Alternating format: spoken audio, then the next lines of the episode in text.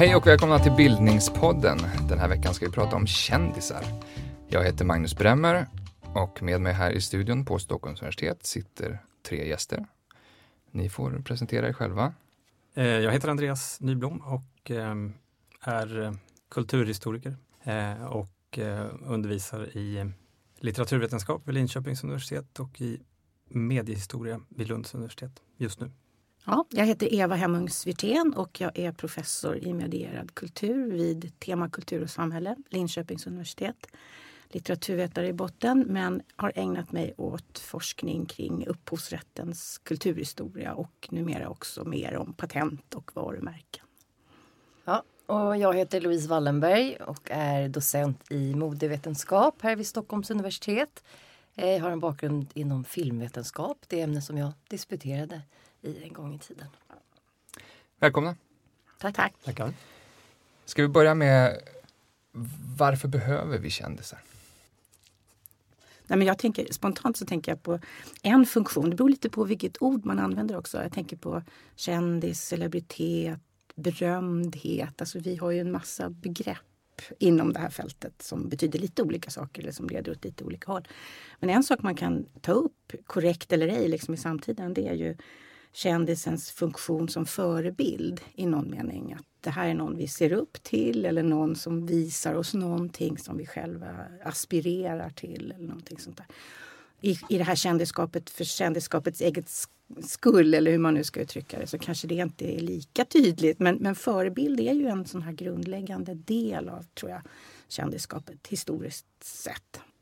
Mm, ja, det håller jag med mm. Jag tycker man kan se eh, utan att säga när den här företeelsen börjar historiskt sett, för det är svårt att säga.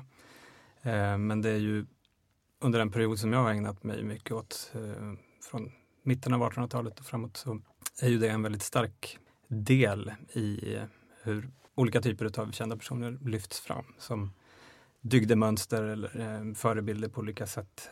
Nationella förebilder som inte minst är flitiga eller duktiga på olika saker och att de ska kunna inspirera vanligt folk till framgång och arbete. Louise? Det kan också vara då i dagens samhälle såklart någonting som vi tillåts skratta åt och, och verkligen ta avstånd från, eller hur? Så det, liksom, det är väldigt dubbelt det här kändisskapet. Det är väldigt brett och väldigt flexibelt. Och det är väldigt många olika typer eh, som då innebor det här begreppet eller den här kulturen då. Eh, celebritetskulturen. Ja, vi ska prata lite grann om vad, när det här fenomenet eh, kan tänkas ändå ha uppstått och uh, lite grann kanske också behovet uh, efter det. Men, men just apropå förebilder, uh, har ni något tidigt exempel på en, en, en person som är känd men inte är en förebild? Ökänd rent av kanske? Först, det första jag kommer att tänka på är kanske jättefånig association. Jag tänker på pirater eller rövare eller någonting som liksom på något sätt blir jag menar, även långt tillbaka, liksom, exempel, eller jag menar inte förebilder då, men liksom den här romantiska bilden av jag tänker på sådana som Robin Hood. Robin Hood precis, eller, ja. liksom att, att det finns en sån historia av att å ena sidan och där är förstås en positiv, jag menar Robin Hood tar från de rika och ger till de fattiga. Alltså det är liksom, där finns ju den positiva, mm. hur man nu vill se det. Men, men det kanske finns någonting där. Men det, jag har väldigt svårt att komma på något exempel historiskt. Jag vet inte om, ni, om det är någonting som poppar upp sådär. Så inom den tidiga filmindustrin så, eh, så fanns det en person, en stor stjärna under 10-talet som 1921 blir anklagad för, för mord. Eh, på en kvinnlig filmstjärna. Precis, Arbuckle. Eller, säger man Arbuckle? Arbuckle ja. ja. Så att han går ju från att vara liksom mm. en, en känd celebritet som är väldigt omtyckt till att hamna liksom på helt andra sidan. Så mm. där har vi liksom en, en kändis som, ja, som förlorar sin stjärnstatus väldigt tidigt. Men fortfarande är känd. Men fortfarande är känd. Men blir liksom inom industrin men också utanför en person som ingen vill ha med att göra. Mm. mm. Sjörövarna har ju också nästan som varumärken i sina svartskägg och liksom ökna. Ja, och, och om man då får hoppa till samtida pirater så tänker jag också på att inom den nutida hackerkulturen eller piratkulturen så finns, kan man ju också säga att det har utvecklats ett slags kändisskap. Alltså att, att det finns ehm, jag ska inte säga att man ser upp till, men det finns någonting i det här bemästrandet kanske av en viss specifik teknik eller bemästrandet av ett eh, motstånd mot någonting som man upplever som fel som skapar någon form av kändiskultur ehm, kan, man väl, kan man väl säga, eller att man ser upp till dem. Så det är lite intressant hur det där, jag har inte tänkt på det förut, men, men pirater idag också har lite det där. Um, och det är ju också en väldigt, och det ska man inte glömma bort tycker jag, att det finns också en väldig genuskodning i hur kändisskap fungerar. Alltså det kan se väldigt olika ut för, för män och kvinnor. Vad man kan göra och inte kan göra eller vad man eh, tillåts göra och inte tillåts göra. Så. Om det är svårt att tala om när den första berömda personen och så eh, levde, kan man ändå säga någonting om när det började uppstå eh, en typ av kändiskultur eller celebritetskultur? Går det liksom att spåra historiskt? Ja, det går ju att spåra eh, idéer om eh, om berömmelse och som en, en företeelse som inte bara gäller samhällets eh, liksom elit eller främsta företrädare. så. Eh, eh och det framkommer inte minst i, i liksom upplysningens tänkande, eh, slutet på 1700-talet, eh, där eh, man ju frångår en, en som gudomlig ordning eller tro, tro på att eh, historien och framtiden så att säga styrs av en gudomlig försyn som ju ger eh, en större makt åt den enskilda individen och till människorna att forma sin värld. Hur hänger det ihop med kändiskultur? Ja, det hänger ju också ihop med en successivt, liksom att man urholkar kungligheternas legitimitet och så vidare. Eh, kyrkans legitimitet. Eh, som gör att man också knyter de här möjligheterna att forma, forma världen till andra eh, professioner, andra, eh, andra typer av människor. Så man börjar, åtminstone teoretiskt, eh, eh lyfter man ju fram eh, författare, konstnärer, andra liksom, kreativa verksamheter som eh, möjliga sätt att påverka och möjliga sätt att också ta sig fram och göra en karriär. Men är det också liksom en, en, en förlängning av, en, av en, en, en, annan sorts dyrkan från början? Eller finns det något religiöst liksom, i det Det finns ju absolut sådana konnotationer i, mm. i den här typen av eh, kulter också. Eh, och ibland beskrivs det ju som att just att man, man tappar den här eh, menings... Eh, det meningsfulla i, som man sedan tidigare har, har liksom knutit upp tillvaron på och att man då behöver någonting annat att, att knyta sin, sin tro till. Eh, och det är väl kanske, kanske något förenklad... Eh, jag tror inte att den här typen av liksom sekulärt kändisskap ersätter eh, religiositet eh, på det viset, utan det här pågår ju parallellt. Men eh, absolut så kan man väl se att eh, liknande liksom, riter eller eh, symboler förs över eh, och används också i sådana här sammanhang.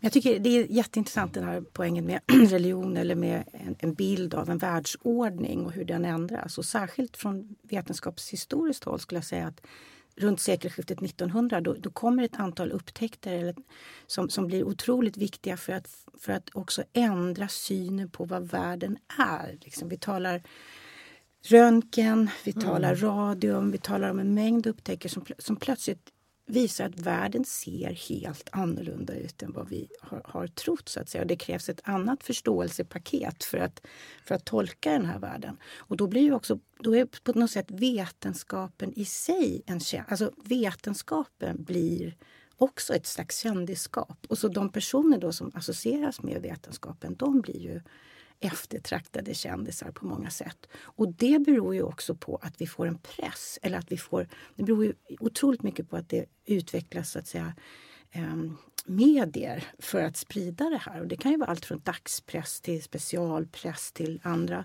andra, andra, andra sätt att liksom mediera kunsk- eller vetenskapen på. Men, men jag tror definitivt att sekelskiftet, det, om, om sekelskiftet är någon slags startpunkt för det moderna, vetens, eller det moderna kändisskapet så tror jag i varje fall inom de områden som jag har tittat mycket på så tror jag att vet, det, det sker ett brott där som är ganska inte knutet till något specifikt år, men, men där så att säga en ny världsordning börjar uppstå och, och som också blir en del av den här kändiskulturen. Ja. Så den tekniska utvecklingen är central? Ja, absolut. absolut. Jag tänker också på fotografiet. Så vi pratar om press och, och, och massmedia, ju... men fotot, att kunna se Ja, och det är det första jag tänker på när jag tänker på röntgen. Så tänker jag ju på, på, på fotot, så att säga, på bilden av att man ser någonting mm. för första mm. gången som man inte har sett mm. tidigare. Och så får ju röntgen och, och, och, vissa namn då, som att röntgen liksom får, det är ett personnamn. Ja. Men det är också namn på en upptäckt så att säga. Och då, då bygger man vidare på ja. det. Och den snabba spridningen. Ja, som kommer absolut. Detta, absolut. Mm. Eh, alltså berömdhet, celebritet, bemärkt, omtalad, kulturpersonlighet. Det här är flera ord som dyker upp i svenskan under 1800-talet. Vad är det som händer under 1800-talet? Mm. Jag tänker att den visuella kulturen växer så otroligt starkt under 1800-talet. Och att det är liksom grunden för att celebritetskulturen ska kunna mm. eh, frodas eh, helt och hållet. Eh, och, och ja, bilden är jätteviktig. Eh, massmedierna är jätte, jätteviktiga i spridandet av det här. Eh, så det är en, en, en modern offentlighet som Ja, absolut. Och det här frenzy, liksom att, att se att betitta och se och kunna få liksom, tillgång till, accessen är jätteviktig, tillgång till de här celebra personernas liv. Eller konstruerandet av, av deras liv som celebert, eller hur? Ehm, och det, det är liksom, ja, celebriteten eller kändisen kan inte existera tror jag, utan den, den, eh, dess representation. Eller hur? Och utan en publik. Eller, utan en publik som är intresserad. Ja. Ja, Att de här begreppen dyker upp beror ju delvis på att eh, det behövs eh, ett sätt att sätta ord på någonting som rör sig i, i tiden förstås. Men, men de här begreppen och orden blir ju också ska vi säga, självuppfyllande. Att de, eh, de bidrar ju också till att synliggöra det här som ett större fenomen som man kan tala om. Så att, men absolut, den här visuella kulturen tror jag också man måste se som väldigt betydelsefull för att att 1800-talet blir på många sätt i alla fall en, en eh, tid då, då det här märks mera och får större konsekvenser, större betydelse. Vi får också illustrerad press i mitten av 1800-talet som gör det möjligt att, att reproducera eh, bild på olika sätt som, och som sprids också i, som, som en populärare form av press till större publiker. De här 1800-talsfotograferna har ju lite för stora kameror för att vara verkliga paparazzi-fotografer. men, men, en sån här företeelse som skvallerjournalistik, är det också en 1800-talsföreteelse? när liksom uppstod det? Nej, det är tidigare skulle jag säga, utan att ha undersökt det själv. Men exempelvis eh, Robert Darntons undersökningar av 1700-talets Paris eh, och skvaller om hovets eh, och helt enkelt politikens företrädare. Det är ju, som han beskriver i alla fall, det är ju en, en väldigt utbredd företeelse en, en nyhetskanal helt enkelt mellan etablerade och mindre etablerade personer i samhället. Så den går nog längre tillbaka. Eh, ni har ju alla intresserat er i forskning för, för just kändisskap kring sekelskiftet 1900, tidigt 1900-tal. Eh, vi har varit inne lite grann på det. Men vad är det, vad är det som händer med, med, eh, med kändiskulturen kring den här tiden? Kan du säga något mer om det? Jag har jobbat med Marie Curie och det är klart att Curie man kan säga att Curies kändisskap går igenom ett antal faser, kanske det bästa sättet att uttrycka det på. Men det börjar ju definitivt med Nobelpriset. Så Nobelpriset har, är ju en slags ett verktyg som sätter igång ett slags kändisskap. Och Nobelpriset blir ju väldigt viktigt väldigt fort faktiskt. Och så att eh, hon och hennes make Pierre får ju Nobelpriset 1903. Och, och deras kändisskap är ju i väldigt hög grad Eh, Eh, ett partnerskap som är ett kändisskap. Det, det, bör man kanske komma ihåg. Sen blir Marie Curie Marie Curie genom andra, så att säga, längre fram. 1911 och 1921 kanske fram, framför allt. Det finns det händelser som är väldigt specifika i det kändisskapet. Men, men Nobelpriset, och det, det ligger ju precis där vid, vid ett sekelskifte då också internationellt. Jag tror att om man har sysslat med upphovsrätt eller frågor om kontroll av kultur och vetenskap så är ju sekelskiftet 1900 intressant för att det, det, är en internationalisering, det är nya forum för att kontrollera och reglera flöden som, som kommer i slutet av 1800-talet, början av 1900-talet. Så att det kändisskapet, samt att det är ny vetenskap eller att man får ett antal stora upptäckter som så att säga sätter ramarna för vad vetenskapen kan, kan göra. Mm. Bara kort om Marie Curie. Kan du säga något om hennes person och, ja, jag ska bara, som vetenskapsman? Alltså, hon får ju Nobelpriset i fysik 1903 tillsammans med sin man. Sen får hon Nobelpriset en gång till 1911 i kemi och då ensam. Sen får ju hennes barn också Nobelpriset. Så här talar vi om en vetenskaplig dynasti dessutom i kändissammanhang. Um, men Nobelpriset 1903 innebär ett otroligt intresse i press internationellt och i Frankrike särskilt då naturligtvis. Och det finns fantastiska hemma hos-reportage 1903 när man åker ut till Marie och Pierre Curies hus för att titta på hur lever den här konstiga familjen. Här har vi en man och en kvinna som är gifta, har ett litet barn och som får Nobelpriset. Det är en helt mm. konstig... Det är en, det är nästan så att journalisterna vet inte hur de ska hantera det här. Men de är fascinerade av det och, och, publiken och läsarna är förstås fascinerade av det också. Så att den här tidiga fasen i hennes berömmelse den är väldigt knuten till att vara maka, mor, vetenskapskvinna och att ha arbetat fram eller att ha så att säga, upptäckt radium tillsammans med sin man. Det är oemotståndligt så att säga, från ett celebritetsperspektiv. Eh, och det är en internationell, alltså det, de blir ju så att säga internationella superstjärnor på en gång. Även om deras position i Frankrike är väldigt speciell. Men, men är deras ehm, berömmelse likvärdig? Eller behandlas de olika? På alltså det, ja, nej, de behandlas naturligtvis olika av pressen. För hon är ju, så länge Pierre Curie lever, han lever ju ytterligare tre år till, så, så är hon så att säga medhjälpare. Det finns en väldigt berömd karikatyr i Vanity Fair där man ser henne stå bakom honom och liksom hålla handen på hans axel. Alltså hon är den här medhjälparen snarare än den drivande forskaren. Men så, så, och han är så att säga det här geniet då som en väldigt speciell eh, familjebakgrund. Så han, båda två är så att säga perfekta för en ny kändiskultur som betonar att man kan komma nästan från var som helst, till och med Polen, och, och bli en celebritet så att säga och, och leda den vetenskapliga eh, ja, framtiden mm. på något sätt. Och apropå skvallerjournalistik så fick ju hon uh, uppleva det senare i sitt liv. Ja, hennes värsta period är 1911 som är ett år då det då eh, Ja, dels får hon Nobelpriset igen men sen så eh, har hon två stora press. Det är väl det året då hon verkligen drabbas av skvallerjournalistiken. Och då utkämpas det fem dueller om henne. Verkliga i Paris. dueller? Med, verkliga dueller, ja. Med pistol eller värja? Ja, en med pistol och två med värja. Och det är journalister som ut, som utkämpar de här duellerna. För att de har hävdat olika saker? Ja, det är en lång historia men, men eh, i grunden kort. är det alltså så kort. Eh, Marie Curie, eh, Pierre Curie var död sedan flera år tillbaka och Marie Curie eh, hade en relation, en kärleksaffär med Paul Langevin som också är en av Frankrikes absolut största vetenskapsmän. De hade känt varandra i många, många år och var goda vänner. Han var gift, hade fyra barn. Eh, de hade en lägenhet eh, i närheten av Sorbonne och skrev brev till varann. Och de här breven stals av en redaktör på en, dags, eller på en tidning.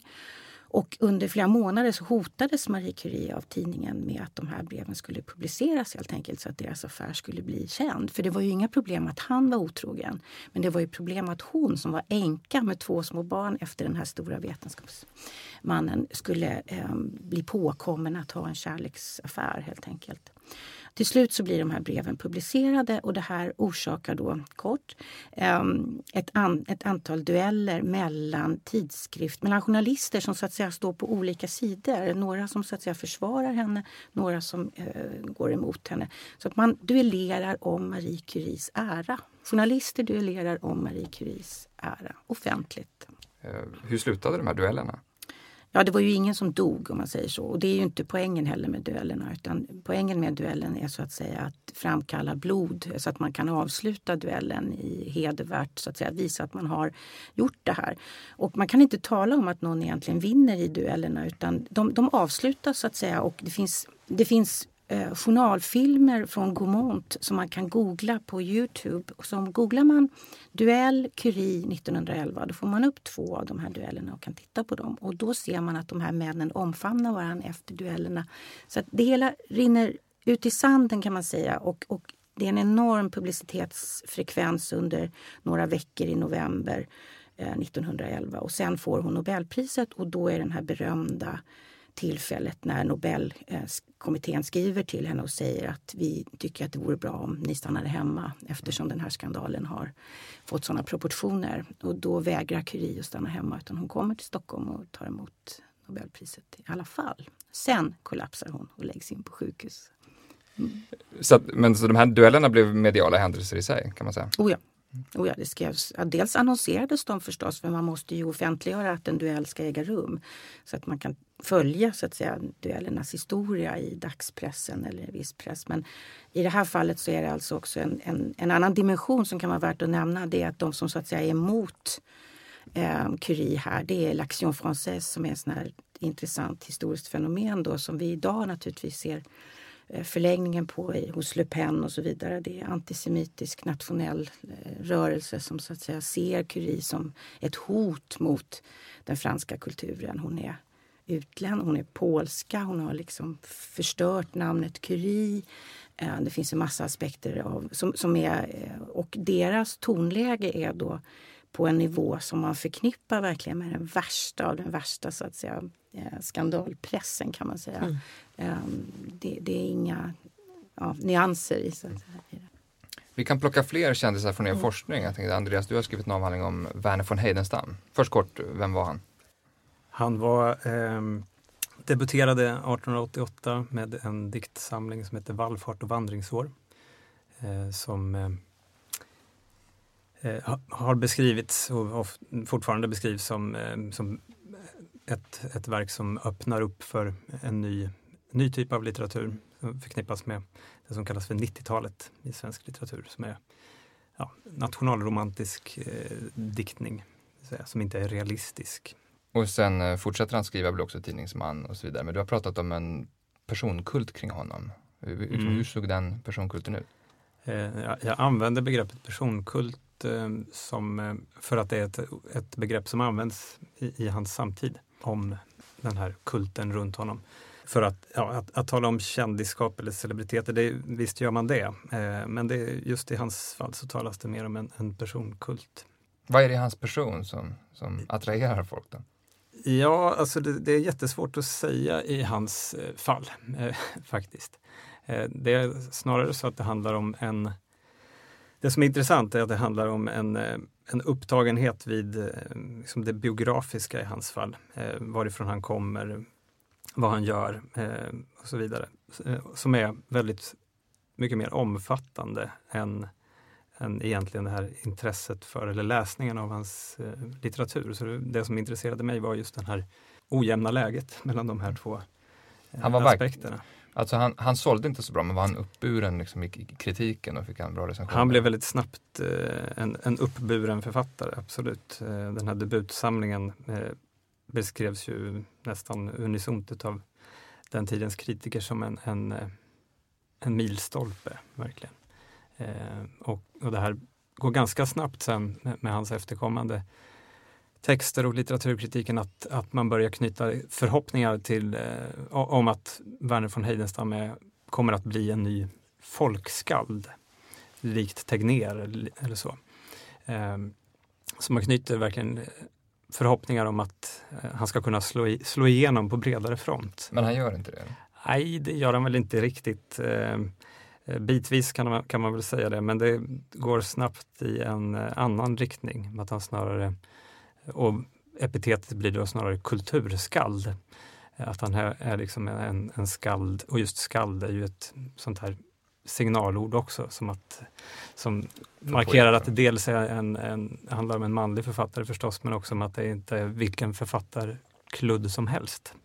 Mm. Så att han dras verkligen till ett, eh, ett betydligt snävare fält av litteraturen. Eh, du Louise eh, har intresserat dig för kändisar den tidiga populärkulturen, modeller och, och filmstjärnor. Skulle du säga att eh, sådana som Heidenstam och Curie här är eller Sklodowska Curie är, är del av, av, av, en, av en tidig populärkultur eller är det som liksom två olika typer av kändiskulturer? Ja, jag skulle nog säga att det är två olika typer eh, faktiskt. Eh, när man tittar på den tidiga celebritetskulturen kopplat till populärkulturen så är det ofta filmindustrin som är i fokus. Och då är det väldigt mycket fokus på Hollywood såklart. Eh, det är Hollywood som skapar sina första eh, eh, picture personalities i början av, av 10-talet som sedermera omvandlas till att bli riktiga filmstjärnor. Va, picture personalities, kan du bara kort säga? Ja, de omnämns inledningsvis som picture personalities. Eh, och det, det, indikerar också en viss celebritetsstatus för att eh, med personality så följer intresset för deras personligheter, för dem som individer. Så det är inte bara intresse för dem som, eh, som yrkesskådespelare, det vill säga karaktärerna de spelar på duken, men också för deras privata jag. Ehm. Men det, är det här någonting nytt då, till skillnad från de uppburna intellektuella och vetenskapsmännen? Och så? Nej, nytt så tillvida att det här är folk som eh, är skådespelare eller, inte. Många upptäcks ju, till exempel väldigt många unga Eh, mannekänger upptäcks och sugs upp av, av filmindustrin väldigt tidigt och omvandlas till starlets eller till stjärnor.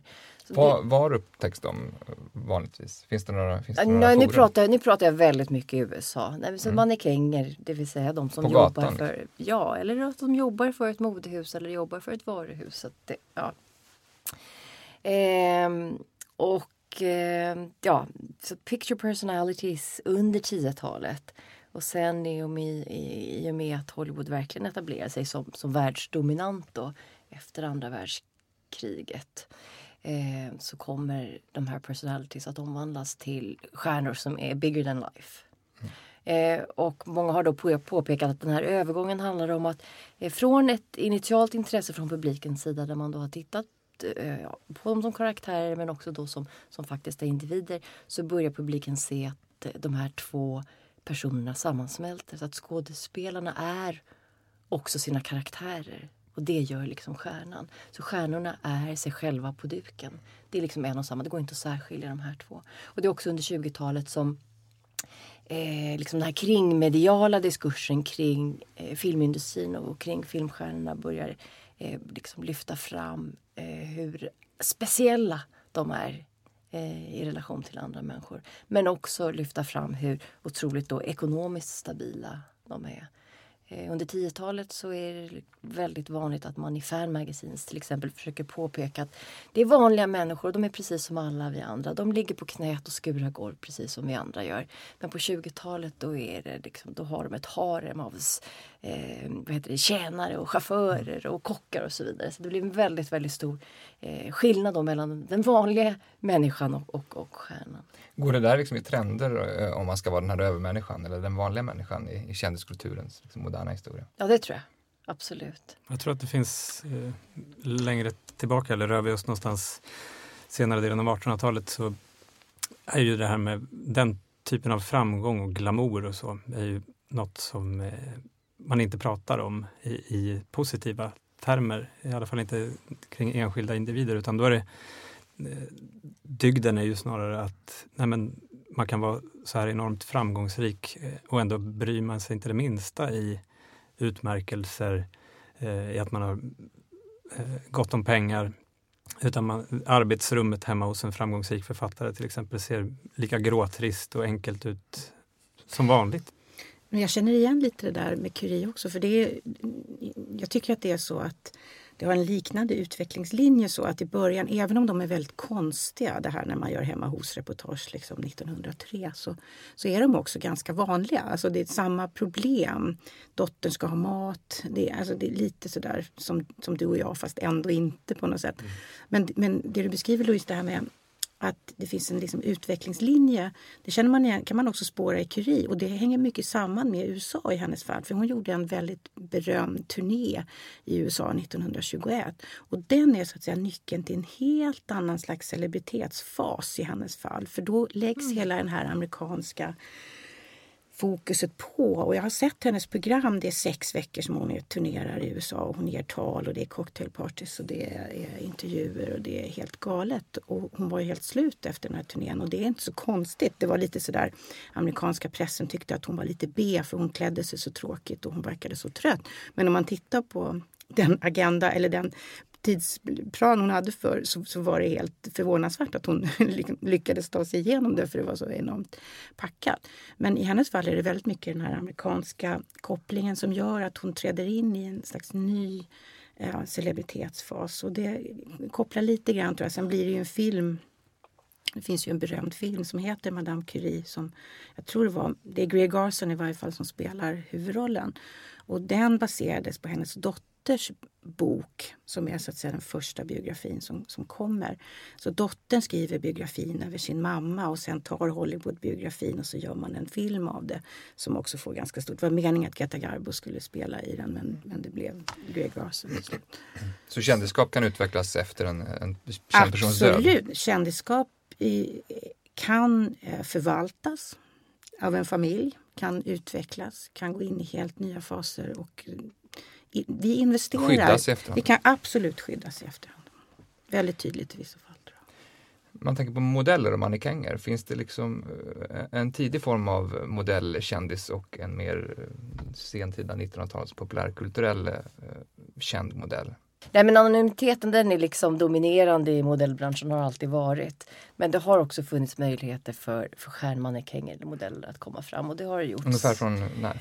Alltså, man brukar egentligen säga att ja, det är på 30-talet när man får de första omslagsflickorna. Och att det är med omslaget också som en modell börjar tjäna riktigt stora medel. Så moderna modellmagasin? Ja, precis. när man börjar ha fotograferade omslag. Och det är först från 32 alltså som man börjar ha det. Och dessförinnan är det mest tecknade bilder? Då är det te omslaget är tecknat men bilderna i magasinen på tidigt 30-tal är ofta fotografier.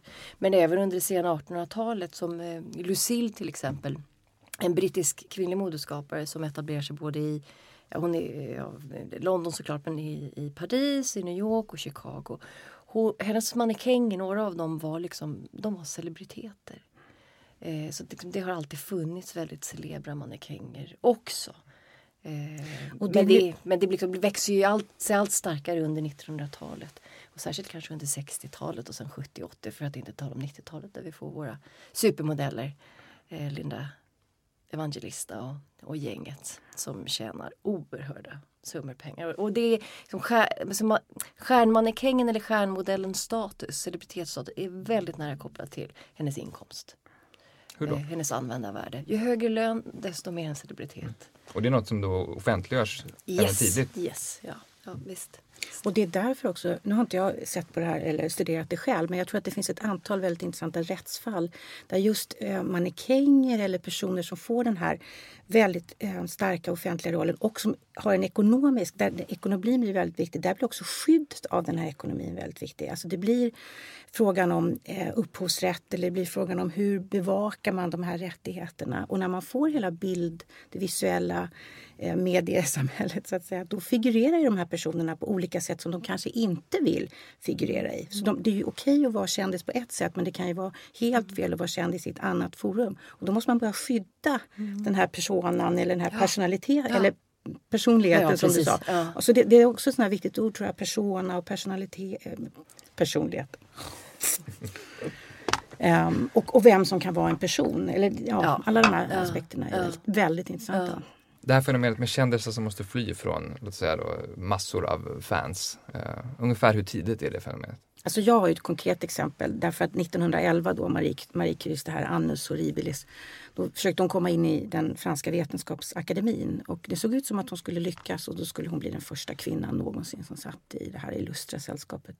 Men hon lyckades inte och efter att eh, det här valet hade eh, ägt rum så, så har hon fångats på bild, på foto i en väldigt känd fransk mode eh, damtidning som heter Femina. Och eh, då, då, då så ser man en vignett där det står så här att paparazzierna fångade Marie Curie utanför hennes laboratorium. Och så är det bilder helt enkelt på paparazzis med stora kameror som liksom fångar den här besvikna, då, mörkklädda kvinnan. Eller det är ungefär det intryck man får. Mm. Så, så där är det fångat på bild. Så att, säga, att, att här finns det paparazzi som intresserar sig för ett val till Franska vetenskapsakademin. Och det är förstås för att det är hon eh, och att hon är en celebritet. Mm. Det här med masshysteri då, liksom masshysteri kring, kring kändisar. Det måste finnas äldre exempel på det också, eller? Ja, det gör det ju absolut. Ett som jag tänker på, som jag har tittat lite grann på på senare tid, är ju eh, det som kallas för Jenny Lind-feber i Sverige på 1840-talet eh, och som kallas för Jenny Lind Mania i mm. USA på 1850-talet. Hon är, gör ju en turné i USA 1850 till 52 eh, och kontrakteras och dras till USA av en känd showman, businessman som heter Peter Barnum som eh, brukar beskrivas som humbuggens konung. Eh, Varför då? Ja, helt enkelt en, en man som var, eh, såg nya möjligheter i att, eh, att marknadsföra eh, på, på nya sätt. Eh, han, han drev sådana här kringresande sällskap med, ja, visade upp människor som, ihopväxta människor, mm. dvärgar, freak, freak skäggiga kvinnor och så vidare. Mm. Ehm, och hade ett sånt museum också i New York tror jag. Ehm, och han, han var helt enkelt en entreprenör på underhållningsområdet. Eh, och han tog dit eh, Jenny Lind för en turné och skrev ett kontrakt på ett hundratal konserter. Eh, och hon blev ju, redan innan hon kom fram eh, med båten, så var det ju eh, liksom en, en enorm uppståndelse eh, för, och tack vare den här Barnums marknadsföring i för, mm. förväg helt enkelt och vilka föreställning man hade knutit till, till den här eh, gestalten och hennes sång och så vidare. Eh, men det går ju också att se det här på tidigare, innan hon dyker upp i USA, så pratar man ju om en Jenny Lind-feber i Danmark, i, i Tyskland när hon är på turné där och i, även i Stockholm där folk slåss om bil, biljetter. Mm. Eh, och det blir handgemäng och så. Och till och med eh, trampas ihjäl i samband med att hon ja, precis, fram på en balkong i Stockholm? Ja, det är nog Kristina Nilsson. Eh, men eh, det förekommer garanterat i, i Jenny Linds fall också, sådana tumultartade och det, det, är ju liksom en, svårt att spåra det här i efterhand men man kan ju absolut se eh, hur, hur, tidningarna givetvis är, är väldigt delaktiga. Det här förekommer en debatt eh, 1845 i svensk press om eh, hur meningsfull den här genuismen egentligen är eh, och hur andra tidningar har bidragit till, till den här kulten som är orimlig, menar man. Och jämför med, inte minst med vetenskapsmän, eh, hur dels sådana som ja, Tegnér och Berzelius och andra anses då inte bli lika uppmärksammade som den här Jenny Lind. Eh, och att hon också tjänar så mycket mer pengar eh, än vad de här gör. Jag minns, minns just någon artikel som konstaterar att, att de här männen då borde väl ha blivit liksom, aktriser och dansare och sångare istället. så, så det är tydligt sånt här eh, genusdiskussion helt enkelt. Men apropå siamesiska tvillingar och skäggiga damer och, och Jenny Lind, marknadsförs de här olika fenomenen på, på, på olika sätt eller är det liksom del av samma logik? Så? Ja, eh, man vill ju rädda Jenny Lind från de här eh, mer spektakulära sammanhangen. Så I svenska texter och i svenska biografier av Jenny Lind senare så försöker man ju rädda henne från den här Barnums, eh, alltså de konnotationer som leder till det här spektakulära. Eh, och framhåller honom som en varm och omtänksam människa mm. och att hon aldrig någonsin liksom beblandades med de här. Men var det något liksom spektakulärt i hennes röst eller var det mer som att det kunde inrymma vad som helst det här, det här Förmodligen, alltså det, är lite intressant så här, för det går ju inte att veta. Eh, och vi kan ju inte höra hennes röst. Det fanns inga möjligheter att spela in den. Eh, men Barnum själv då, han konstaterar ju att hon skulle ha blivit lika framgångsrik om hon hade sjungit som en kråka Eh, det uttrycket finns i hans eh, självbiografi. För att? Ja, tack vare hans, det handlade mer om hans marknadsföring helt enkelt. Mm. Och om hennes personlighet, hennes utstrålning möjligtvis. Mm. Men sången var, Den var musikaliska var sekundärt. Okay. Eh, och sen förekom det, och i viss mån var han väl själv Barnum en initiativtagare till det här, men det dyker också upp på hennes turnéer i andra länder. Eh, att man sätter hennes namn som varumärke på alla möjliga produkter. Eh, det är liksom allt från, från stora ånglokomotiv till barnsängar, eh, till eh, klippdockor, korvar som heter Jenny Lind, cigarrer etc. Liksom allt finns med Jenny Linds namn på. Louise, har, har du något exempel av, av, lite senare datum? Ja, under 20-talet så är det ju några Hollywoodstjärnor som verkligen skapar hysteri kring sig och en av dem är ju Rudolf Valentino. Vem var, vem var det? Ja, en stor charmör. En av de få icke-vaspiga stjärnorna som existerar i Hollywood tiden. Ja, som inte följer det, det vita idealet. Han var av annat etniskt ursprung, han kom från Italien och fick också då spela väldigt eh, vad ska jag säga, exotiska roller. Han var en stor dam men också säkert en stor herrfavorit och älskades av sin publik. Och när han dör 1926 så blir det en, en massdepression som ut, eh, breder sig. Och inom Hollywood då så sätter man genast igång med att söka efter en ny eh, sån här exotisk manlig stjärna som ska kunna fylla hans, hans skor. Eh, och man har siktet inställt då på Europa men, men till slut så är det då eh, Cary Grant som kommer att få axla denna rollen. Mm. Så man tar någon som är väldigt, väldigt inhemsk, en amerikansk pojke. En riktig wasp med andra ord. Mm. Han, var, han var den största under 20-talet i Hollywood, absolut. Innan eh, Valentino så hade ju Fairbanks och Chaplin tillsammans med Mary Pickford som egentligen kanske är den första filmstjärnan som vi pratar om, haft de här unika positionerna. Men under 20-talet vad det gäller just män så är det Valentino liksom som har den oslagbara positionen som, som den största manliga stjärnan. Hur, och en eh, väldigt queer sådan bör understrykas. Ja. Hur utvecklas det här med varumärket senare under 1900-talet då från Hollywood och framåt och filmindustrin? Och så? så när du säger varumärke då tänker jag väldigt mycket på eh, stjärnor i relation till produkter faktiskt. Och att eh, inom fanmagasinen men också inom skönhetsmagasin så är det väldigt, väldigt ofta att redan på 10-talet att kvinnliga stjärnor agerar modeller för skönhetsprodukter. Så att Hollywood blir direkt förknippat med skönhetsindustrin. Eh, och att eh, stjärnorna då är sig själva som modeller så att de står fram med namn och är väldigt tydliga så att de får liksom bära de här produkterna. Och det blir en direkt koppling då till att köper man produkterna så blir man filmstjärna och det är liksom det som också är slogan i alla de här eh, reklambilderna. Men sen finns det också en koppling eh, som är intressant mellan eh, kvinnliga Hollywoodstjärnor och eh, cigaretten. Och cigaretten började ju saluföras som en kvinnlig variant av cigarren redan under 10-talet. Eh, under 20-talet så är det först och främst kvinnliga filmstjärnor som kommer få stå som ansikten utåt eh, för cigaretten. Och cigaretten konnoterar då inte bara skönhet, inte bara framgång men också ungdom och hälsa. Mm. Eh, så att röka cigaretter kan då medföra att man behåller sig yngre längre men också att man, man stärker sin hälsa. Och återigen att man kommer närmare då den här eh, stjärnstatusen som som man förväntas eftersträva. Jenny Lind var knappast inblandad i den här korvindustrin, men är det där något som ökar eh, under 1900-talet? Alltså att kändisar själva aktivt söker den här typen av varumärken? Ja, aktivt söker eller blir uppsökta och går med på. Mm, men är eh, medvetna och ja, medspelare absolut. i det? Yes, absolut.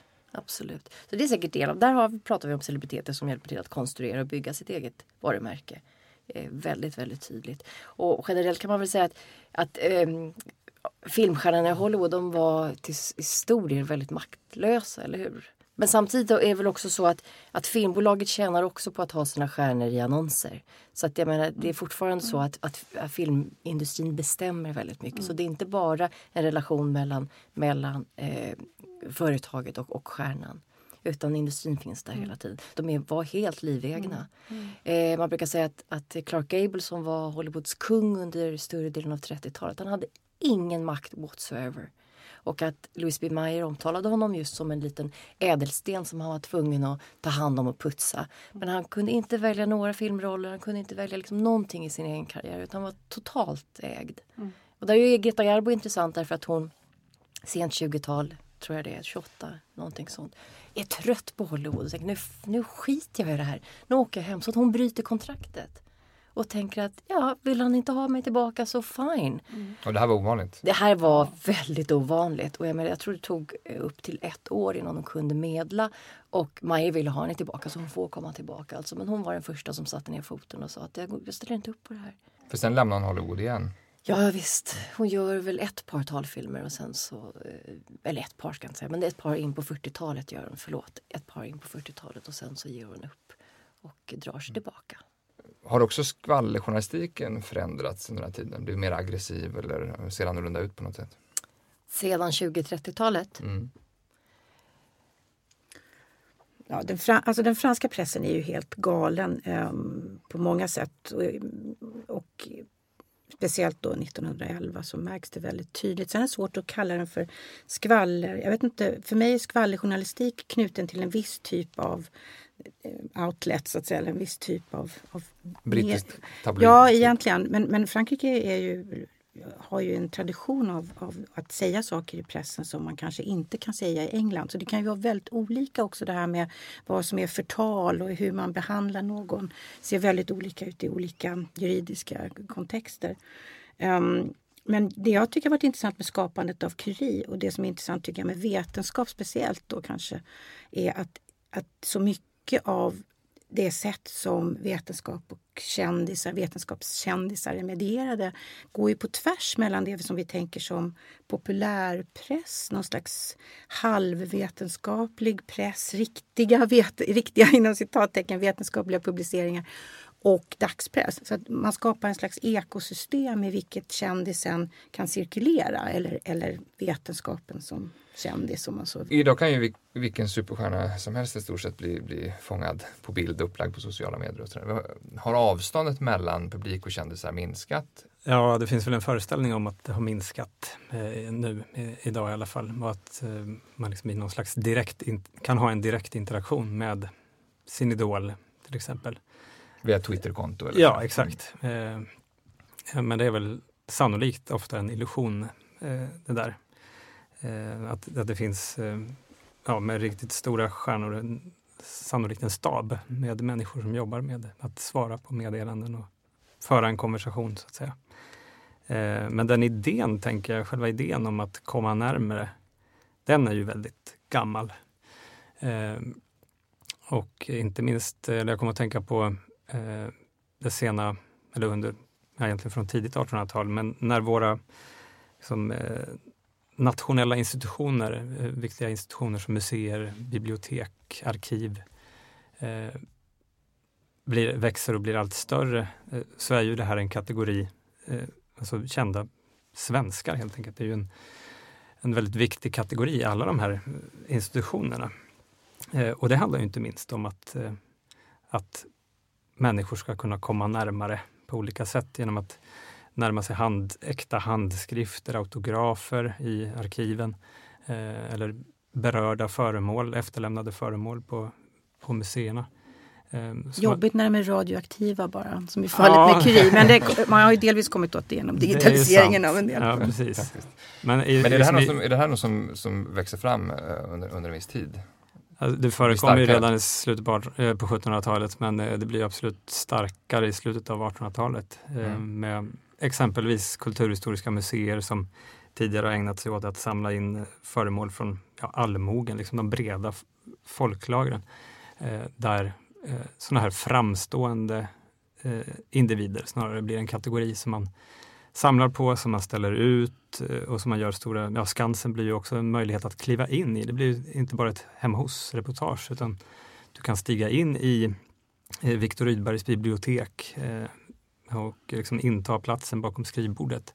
Det är ju verkligen en sån här, att, att vara på platsen där det hände. En sån, att man får den illusionen i alla fall av att befinna sig i ett autentiskt rum. Sen har det ju flyttat men, ja, och rekonstruerat. Heten. Eh, till sist, eh, om ni skulle få utnämna världshistoriens mest kända människa, hur skulle ni resonera? Ja, eh, världshistoriens mest kända människa? Ja, Jesus. Inom vår kultursfär i alla fall. Tidskriften Forbes publicerar varje år en lista över de personer som tjänar eller drar in mest pengar efter sin död. Och den listan brukar bestå av 15 personer. Eller någonting sånt där. Den toppas i regel av Michael Jackson eller någon sån. Och på plats 6 eller 7 varje år så ligger Albert Einstein som drar in ungefär 100 miljoner dollar varje år till Hebrew University of Jerusalem som äger hans rättigheter helt enkelt efter hans död. På vad drar han in pengar? Ja, men det kan man hur många bilder har ni inte sett av ehm, Einstein cyklande eller Einstein räckande ut tungan eller muggar eller slipsar? Eller, det finns hur mycket merchandising som helst ehm, på Albert Einstein. Det finns en hel del merchandising på Marie Curie också, men inte alls i den omfattningen. Tusen tack Eva Hemmungsvirtén, Andreas Nyblom och Louise Wallenberg för att ni ville vara med. Och tack för att ni har lyssnat. Vi är tillbaka igen om en vecka. Tack och hej! Du har lyssnat på Bildningspodden, en podcast från humanistiska fakulteten vid Stockholms universitet. Producerad av Magnus Bremmer och Claes Ekman. Podden spelas in på Språkstudion och tekniker är Henrik Nordgren.